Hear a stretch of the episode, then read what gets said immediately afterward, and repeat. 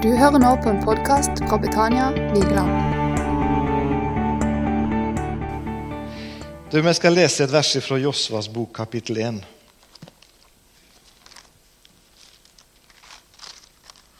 Det er jo herlig å bli introdusert som eh, hummerfisker og laksefisker. Det er ikke verst. Jeg tror det er første gang at jeg har blitt introdusert. Men det var jeg sjøl som tipsa det. da. Men, eh, det er helt sant. Jeg, eh, jeg, jeg trigges nok litt som person av den spenningen og, og eh, ja Og så det blir noen fangst. Så tror jeg at det er en litt sånn tålmodig person som ikke gir opp så lett. og det jo, kan jo være en god egenskap, iallfall som en laksefisker. Jeg har ikke timer på hvor mange timer jeg har stått i elv og fiska og ikke kjent noen ting. Og så har jeg snakket med folk du er, At du gidder! Du får ikke napp, jo. Så hele natta ikke fått fisk. Ja, ja, sier jeg, men det, plutselig så er han der. Jeg tror vi må ha en liten sånn, litt av den tankegangen når det gjelder menneskefisking òg. Og ikke gi opp. Ikke vet vi hva som lykkes, sier Bibelen noe om. Det ene eller det andre. Om jeg setter hummertegnet, så er ikke du garantert å få hummer i den teina du setter der.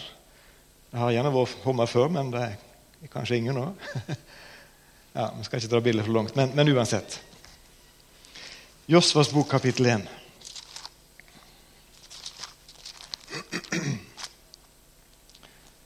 Og vers 5 så er det det som blir sagt til Josva, denne unge mannen. Han var ikke helt ung, men, eh, men i hvert fall så omtaler man han slik. Han var i hvert fall den som skulle ta over etter Moses. Og Så fikk han da et eh, ord fra Gud i den forbindelse. Ingen skal kunne stå seg mot deg alle ditt livs dager. Like som jeg var med Moses, vil jeg være med deg.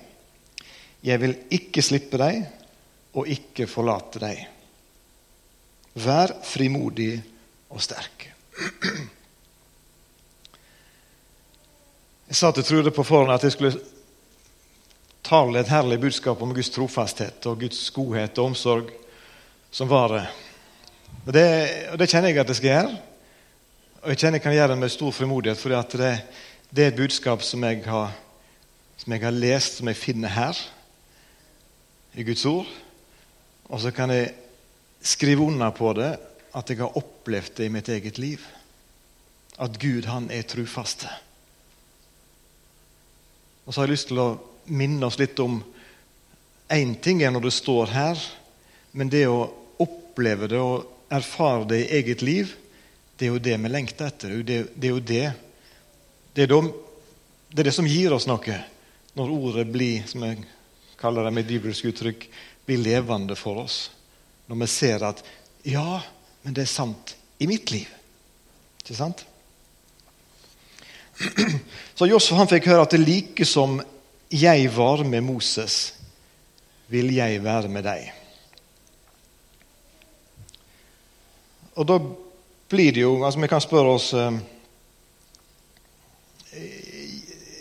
Det gjaldt Josva, men eh, gjelder det oss? Ja, det gjør jo det. Om jeg skal si Et av favorittversene mine var det som ble lest i innledning. Men, men mitt mest elska favorittvers det er nok Isaiah 41,10. Der det står 'Frykt ikke, for jeg er med deg'. Ikke se deg engstelig omkring, for jeg er din Gud. Jeg styrker deg og hjelper deg og holder deg oppe med min rettferds høyre hånd. Og løftet, det gjelder oss. Og vi vet at Jesus han gjentok det og sa at 'jeg skal være med dere alle dager'. Alle slags dager inntil verdens ende. Men, men klart for Josva så betydde det nok dette med 'like som jeg var med Moses'. For da hadde han noe nært å se på og se etter. En som han kjente et liv som var litt som ei bok for han, som var ikke en langt tilbake i historien, men, men noe som var nært. Og vi trenger noen sånn forbilder, vi òg. Noen som vi kan se etter, ta lærdom av. Ha som forbilde. Jeg tror det er viktig, det. Paulus han sa at det blir mine etterfølgere, like som jeg er en etterfølger av Kristus. Og jeg tror Hvis vi tenker etter, så har vi gjerne noen forbilder i livet. Noen mentorer, noen som har betydd noe spesielt for oss. Og du, hvor verdifullt det er. Jeg var i begravelse her i forrige uke, ble det vel. ja. Og Lilly Engesøtt oppe i Volda, tidligere Svasiland-misjonær, som var begrovet, 94 år gammel. Um, og Jeg er så heldig at jeg fikk vokse opp i den menigheten som hun gikk, på Betel i Volda. Og jeg har mange ganger mintes hennes varme og hennes omsorg og hennes trusgnist. Jeg ante vel ikke da i den tida når jeg vokste opp der, at jeg skulle ende opp han sagt, å være engasjert i Svasiland og i misjonen ute, men, men noe er jo det. Men hun er en av de som jeg vil kunne ha trukket fram som et forbilde i tru og i handling og i levd liv. Og det vitnesbyrdet hennes som Guds trofasthet og Guds omsorg. Hæ? Det betyr noe.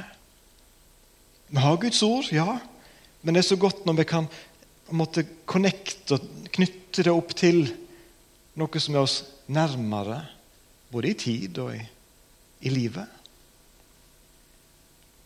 Og Så kunne vi trukket fram mange sånne trus vi skal kalle det helter, eller hverdagskristne, kanskje, som har betydd noe for oss. Og så var det noe med Josva. Når Gud sa at 'slik jeg var med Moses, så skal jeg være med deg', så tror jeg at det, det var noe som Yes! Ja! Dette skjønte han.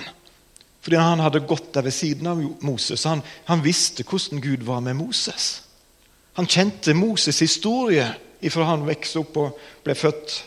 Og hele veien så har han fått lært og hørt og sett at jo, Gud har vært trufaste imot Moses. Han lover at han skal være trufast imot meg. Og så kunne han gripe tak i det. Um, men Moses, da, hvis vi skal se litt på det Hvordan opplevde han det? Hvordan så og erfarte Moses at Gud var trufast, og at Gud var med?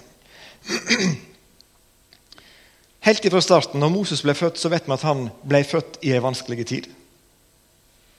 Vi kan gjerne si at det var forfølgelse. Ganske rå og brutal forfølgelse fordi at alle guttebarn som ble født, ble drept av farao. Og da ble Moses født, denne Guds mann. Han ble født på helt vanlig vis sånn som du og meg har blitt født. Og Så var det noen som viste han omsorg, og som brydde seg og var kreative. Og med Guds nåde og med Guds hjelp fikk berga Moses' liv. Og ikke tror jeg at Moses kjente så veldige himmelmusikk eller stjerner og så ting der og da. Jeg tror det var helt alminnelig. Men det er klart når han ser tilbake, så takker han Gud for Guds trofasthet og for Guds godhet. Um,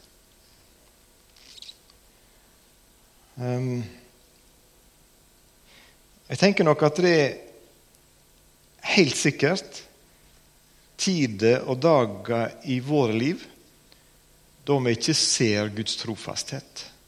Da vi ikke fysisk sett kjenner og erfarer at Gud er her, Gud er med. Men vet du hva jeg tror at når vi kommer hjem og en dag får se livet vårt litt i større perspektiv, så tror jeg vi vil bli overraska, alle og enhver, der vi ser at ja, men det, det var jo Guds finger der. Det var Gud som var med der. På helt hverdagslig og alminnelig vis så erfarer vi Guds trofasthet og omsorg dag for dag. Til og med når vi vil protestere. Det gjorde Moses rett som det var på at 'nei, Gud, nå har du glemt meg'. Nå, nå skjønner ikke du Gud. Prøvde å ville belære Gud igjen. Hæ? For nå skulle du ha gjort sånn, og nå skulle dette vært sånn. og så... Til og med da var Gud med. Det er noen sånne dager i våre liv òg, tror jeg. Iallfall for min egen del. Da jeg ikke ser, da jeg ikke skjønner. Da jeg etter mitt vet og forstand så skulle Gud igjen ha gjort det sånn. Men så er han der. Jeg får bare takke han for at jeg får lov til å være i hans hender. Under hans omsorg, sjøl når jeg ikke forstår alt. Eller er enige i Guds vei. Det står en plass i profetene vet vi om det, at det er hans tanker er høyere enn våre tanker. Hans veier er høyere enn våre veier. Og jeg tenker at Det må bare bety at vi ser det ikke her mens vi er her, men en dag så skal vi forstå og skjønne.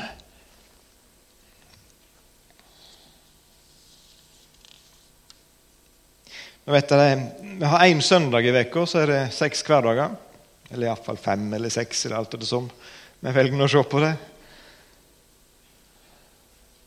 Der er flest hverdager i livet. Og Gud er der hver eneste en.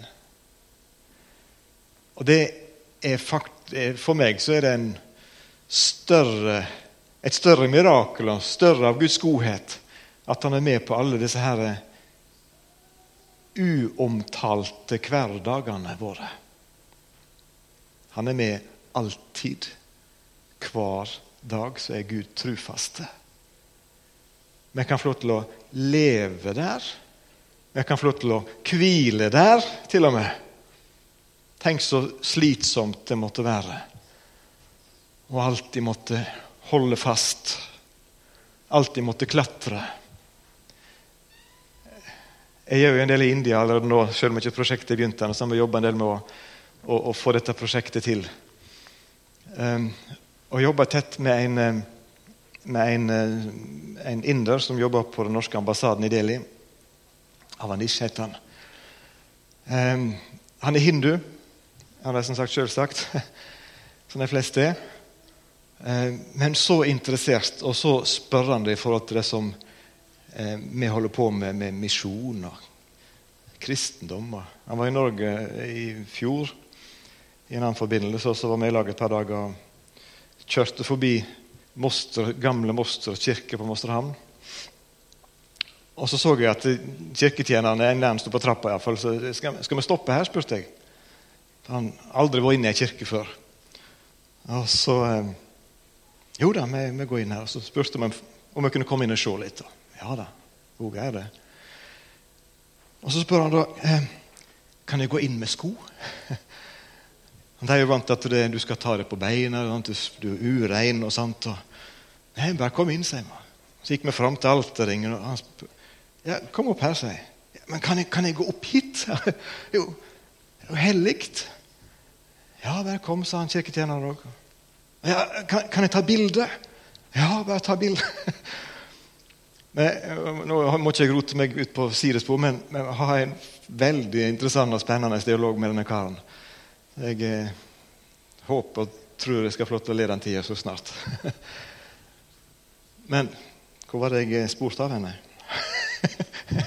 Guds trofasthet, Guds omsorg, at vi slipper å klatre. Vi slipper å streve, men at vi bare kan si 'Takk, Herre'. Takk at jeg er din. Takk at din trofasthet, den varer. Din omsorg bærer meg. Jeg Syns det er flott, jeg.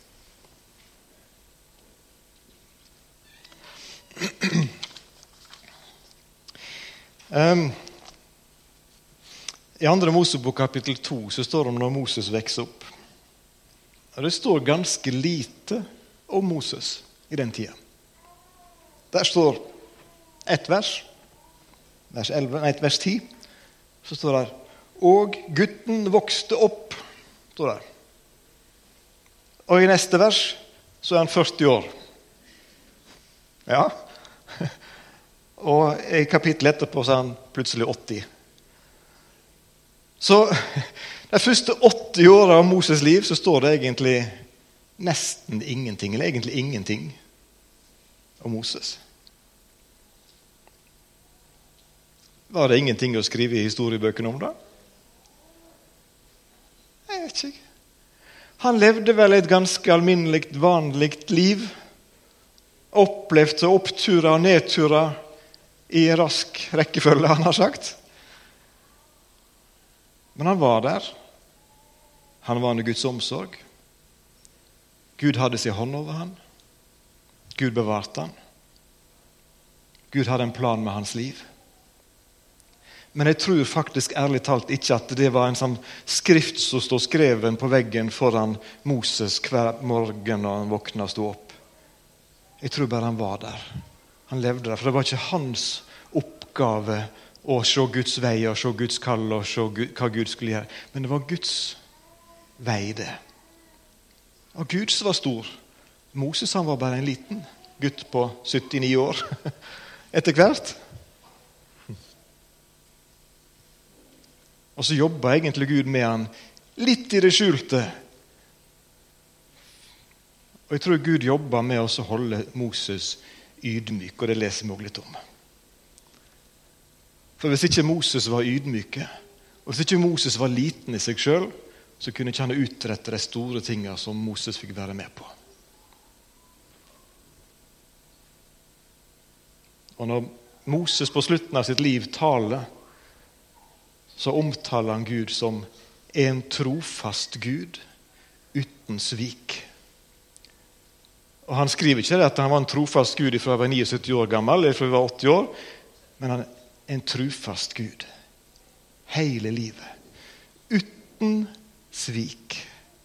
Sjøl i, periode, i de periodene av livet når det var stilt og tyst, og han ikke så Guds, eller hørte Guds stemme, så var Gud allikevel trufast. Og Jeg kjenner det er en god trøst for meg å ha med meg i alle mine hverdager. Det er dager da jeg opplever oss heldig og privilegert å få se store ting og få være med på må jeg si det, i det arbeidet som jeg begynner nå i, i India og i den menigheten som jeg jobber i lag med der. En gang jeg kom ut nå i, i vår, så hadde de hatt dåp. 250 døpte på én dag. Ja. Og kjenne den gløden og den gleden de har av å få lov til å være med og forkynne evangeliet og leve ut evangeliet. Om vi skal ta en parentes på, på, på det med misjon og bistand, så er India et av de landene i verden som opplever mest forfølgelse for de kristne. Jeg husker ikke helt plasseringen, men det er rundt topp ti på verdensbasis. Og veldig mange evangelister, pastorer i India, forteller om, om eh, sterke prøvelser, og at eh, de blir eh, torturerte, faktisk. Og flere må late livet fordi at de forkynner evangeliet. Og det er ikke lov å sende penger til India for å drive misjon. Indiske menigheter, kirkesamfunn og organisasjoner har ikke lov til å motta kristne penger.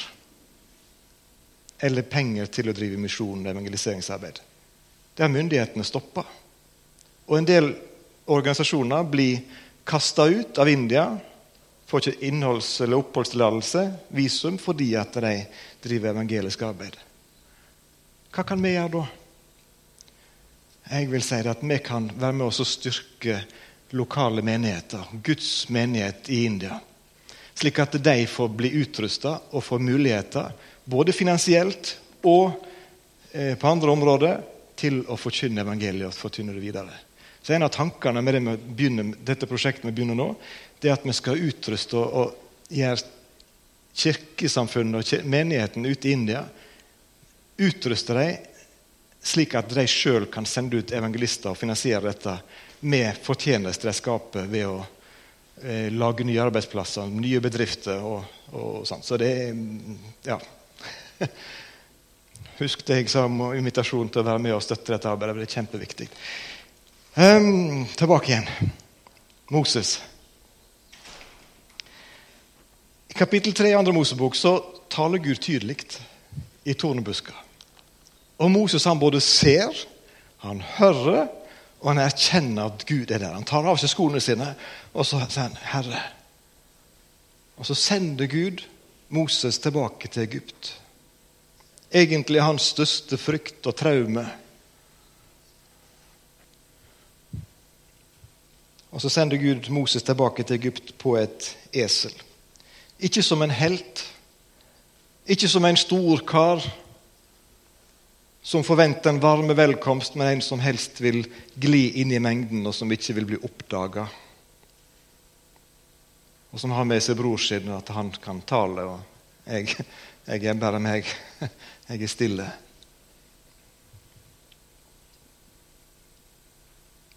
Det at Gud viser sin trofasthet imot oss, og at Han er med oss, det fører ikke til at vi blir store og sterke, staute kristne. Men det fører til at Han får ære. At Han er stor, og at vi er små. Det er Guds trofasthet her. Tenk hvis Guds trofasthet skulle bygge oss opp slik at vi skulle bli på en måte helter. Da hadde vi feila noen hver. Men vi kan være sterke, sier Paulus, fordi at han er i oss. Og i hans kraft så er jeg sterk. Når jeg er svak, så er han sterk. Amen.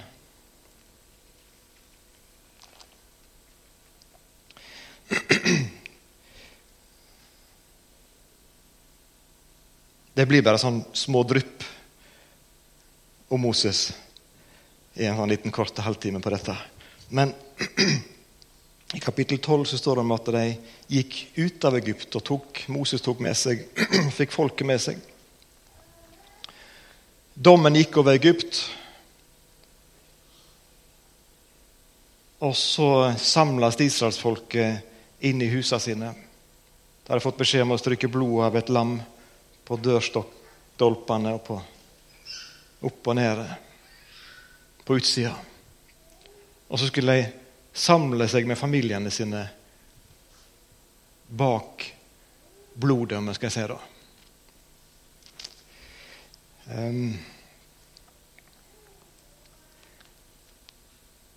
Jeg leser ikke om, og jeg tror ikke at de satt der og sang jubelsang og lovsang. De hørte ropet på utsida. Frykt og skrik. Det var mørkt. Dommen gikk forbi, og de hørte det og de kjente det på kroppen. Og så satt de der. Det står ikke helt tydelig, det heller, men jeg ser for meg at de satt der med en viss frykt og beven og en viss uro. Og kanskje noen spurte seg er dette lurt. Holder dette? Er vi trygge her? Skulle vi heller gått en annen plass? Men de hadde fått et ord fra Gud. Dere skal bli her. Stryk blodet av et ofra lam på dørstokkene ut forbi. Og så skal dere være i huset til jeg kaller dere ut. Og dere skal gå ut av Egypt fra fangenskapet. Så jeg opplever at det er en fantastisk flott beskrivelse på jeg kaller det for troens rom, der de var. I troens rom der er ikke det vi som skal sørge for tryggheten. Det er ikke vi som skal sørge for at det er godt nok, eller at det holder. Det er det en annen som skal gjøre. Vår oppgave er å være der. Og så er det rom faktisk for at det kommer en tvilstanke. Og det er rom for at med av og til blir litt sånn urolige. Holder dette? De kan kjenne på mange slags følelser. Men en er på rette plassen. Hm? En er i et troens rom der det ikke er mine gjerninger eller mitt trusliv som er målet på, eller som, det, på en måte, som gjør at jeg er trygg. Men det er hans gjerninger. Det er Guds gjerning i Kristus Jesus som gjør at jeg er trygg. Og det er den plassen jeg er skjult med Kristus i Gud, står det i Guds ord. Og det er den plassen som gjør at her kan jeg være trygg. Her kan jeg erfare Guds trofasthet og godhet, selv om det stormer der ute. Her er det fredfullt og trygt, står det i en skiblesang. Er det sant? Amen. Like som jeg var med Moses, så skal jeg være med deg. Så igjen, når en plasserer seg inne i huset bak stengte dører, og det stormer ute, så er ikke det sikkert at de der liksom var i stand til å se Guds omsorg og Guds trofasthet. Men vi leser seinere, så kommer forståelsen når de får litt på avstand, og så ser de tilbake på livet. Så ser de ja, Gud var med. Og Jeg tror det er litt sånn med oss òg. Vi kan snu oss tilbake. Bare se at ja, Gud har vært med gjennom alt. Gjennom alt. Så er israelsfolket på vei ut av Egypt. Egypterne kommer halsende bak og jakter på dem og skal ta dem tilbake igjen til fangenskap. Så viser Gud sin trofasthet gjennom skystøtta som følger dem på dagen, ildstøtta om natta, som verner dem mot fienden. Er det slik at israelsfolket bare jubler og takker Gud for takk at du er med som ildstøtte? og takk at du... Nei, De begynner jo å knorre og klage og vil tilbake igjen til kjøttgrytene i Egypt. Fordi at de kom jo til denne, dette havet. Vannet som skilte dem. Der framme er egentlig løfteslandet vårt, men her er jo et hav. Vi kommer ikke over. Og bak kommer fiendene imot oss. De var egentlig ganske langt nede. Når vi kom til andre Mosebok, kapittel 14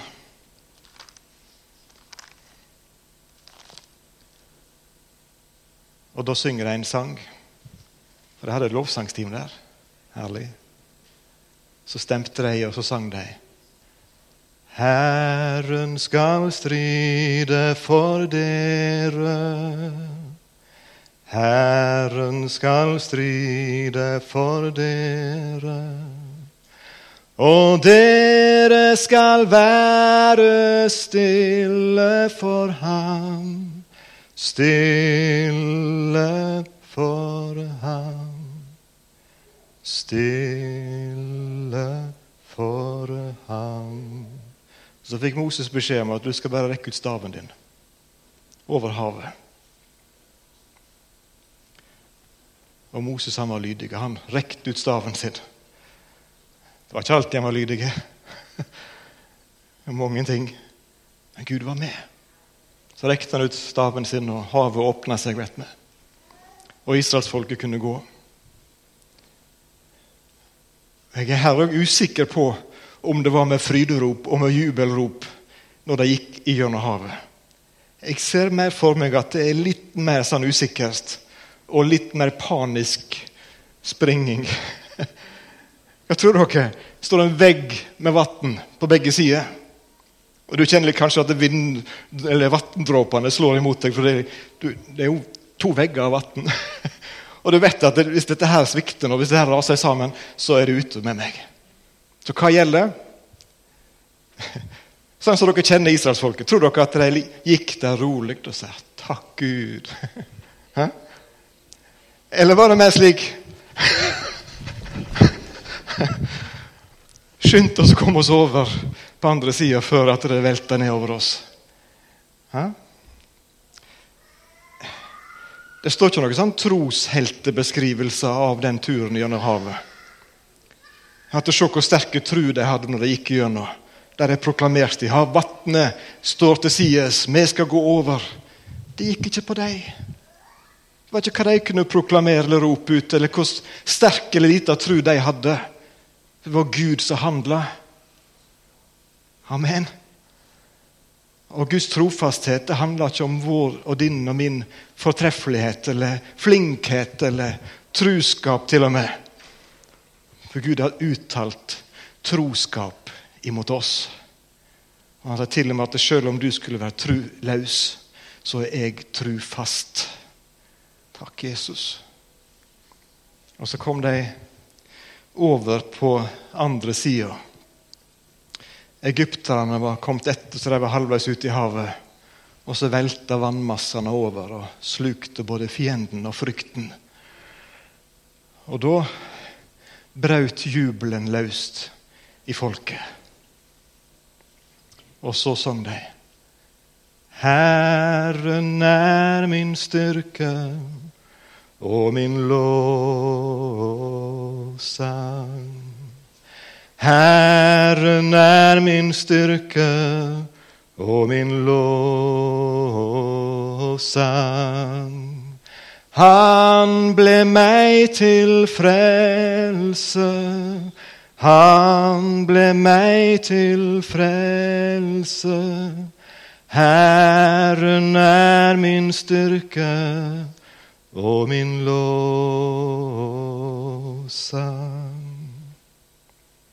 Andre Mosebok 15, vers 2. Og så går det sin gang for Moses, til og med etter de var kommet inn i løfteslandet. og over på andre sida, vann hadde slukt fienden, og alt skulle være vel og bra. Så går det i oppturer, nedturer, lydighet og ulydighet. Moses som en tru tjener, og Moses som en som svikter. Og folket likeens. Men gjennom alt og hver dag som går, så står det fast et banner. Gud er trufast. Som gjør at Moses på, sa, på slutten av sitt liv, når han oppsummerer alt En trufaste Gud. Uten svik. Ikke én dag, ikke ett øyeblikk har Gud svikta. Han er trufast av natur. Det er slik Gud er. Han har ikke ei side som er trufast, og ei annen side som er annerledes. Han er alltid den samme. Jeg skal ta meg inn på slutten av en, en interessant hendelse i 2. Mosebok 17. Der israelsfolket er nede på ei slette og kjemper imot en fiende som blir omtalt som Amalek. Og så står det at kampen den bølger fram og tilbake. Og mot kvelden så får fienden overtaket. Men du husker gjerne hvor Moses var. Han var oppe på et fjell. Og så står det at det så lenge som Moses holdt hendene oppe, så hadde Israel overtaket. Men så står det at etter hvert så ble Moses' hender tunge, og han ble sliten, og hendene falt ned. Og så fikk fienden overtaket og drev israelsfolket ut. Og så står det fantastisk flott Så kommer Aron og Hur Moses sine venner og medhjelpere. Og så tok de tak i hver sin arm og løfta Moses sine hender opp. Og la til og med steiner under albuene, slik at han skulle greie å holde hendene løfta.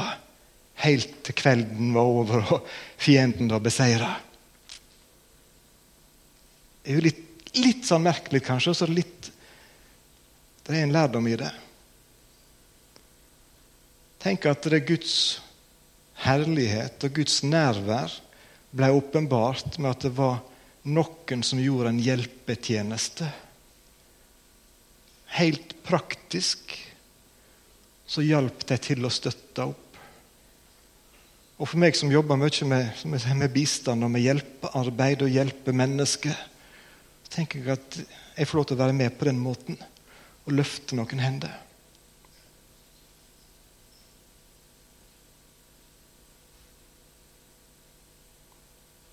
Det at jeg, tror det er undervurdert hva du og meg og hva det betyr i åndens verden, de praktiske tinga som du er med å gjøre.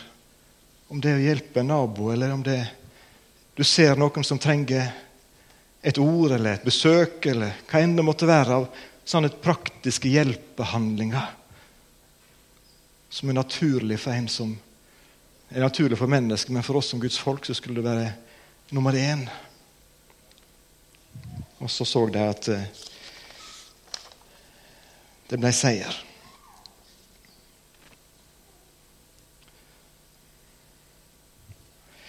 Så um, avslutter Moses livet sitt, og så sier han Lytt, dere himler, for jeg vil tale. Så holder han en tale, og som jeg sier konklusjonen, en røde tråd gjennom talen sin, det er at Gud, du har vært trufast. Gud, du er uten svik. Hvordan gikk det med Josfa, da? Som jeg begynte med. Like som jeg var med Moses, skal jeg være med deg, Josfa. Jo, Gud var med Josfa. Vi vet det. Om vi kunne tatt fram eksempel etter eksempel som bare viser det Gud har sagt, det Gud har lovt, det står han ved. Og det gjelder for oss òg. Første Tessalonika-brev sier at han er trufast.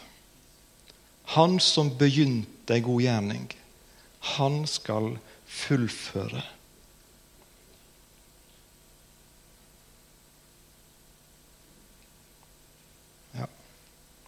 Nå blander jeg to vers. Jeg tok inn eh, Filippabrevet 1,6 òg. For der står det for jeg er fullt viss på at han som begynte en god gjerning, han skal fullføre den inntil sin egen dag. Så dette var det jeg har lyst til å overlevere til dere her i formiddag.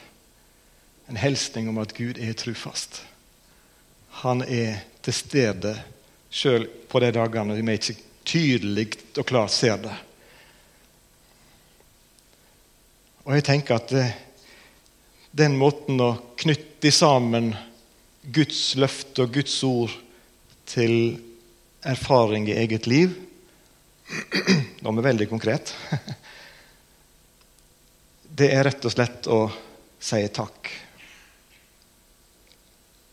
Sånn, Strekk ut ei hånd og si takk, Gud, for det du har gjort. Takk for det løftet du har gitt meg. Takk. Jeg hadde hun Yngstejenta vår hun er jo ikke lita lenger. Hun er flytta ut. og 20 år, tenkte jeg. Men da hun var liten, og så hadde vi en, noen dager en konkurranse på kvelden. Vi leste litt i Bibelen, og så ba vi sammen. Og så var det en gang med liksom, Hva er den korteste bønna, pappa? Og så hadde vi noen varianter da med liksom kveld etter kveld. Og så enda det opp med å bare Ja, men pappa, tenk om vi bare kan si takk? Er ikke det en korte bønn? Det er sant, det. En takk til Han, det knytter en kontakt og knytter et bånd til løftet. Og det er ikke du og meg som skal holde fast, men det er Han som holder oss. For at vi får lov til å være i Hans rettferds høyre hånd, står det. sant? Der får vi lov til å være ei svære, kraftige hånd som er i stand til å holde oss og bære oss alle. Gud velsigne dere.